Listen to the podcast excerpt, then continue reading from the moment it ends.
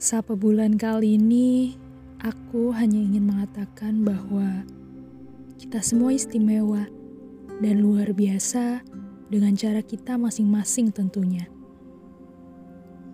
Kita sering kali bertanya, mengapa ada orang yang sudah bertemu di titik terbaiknya, namun kita belum. Dan kita pasti penasaran, kapan bagiannya kita? Selama perjalanan, kita akan merasakan penat. Namun, jangan berhenti.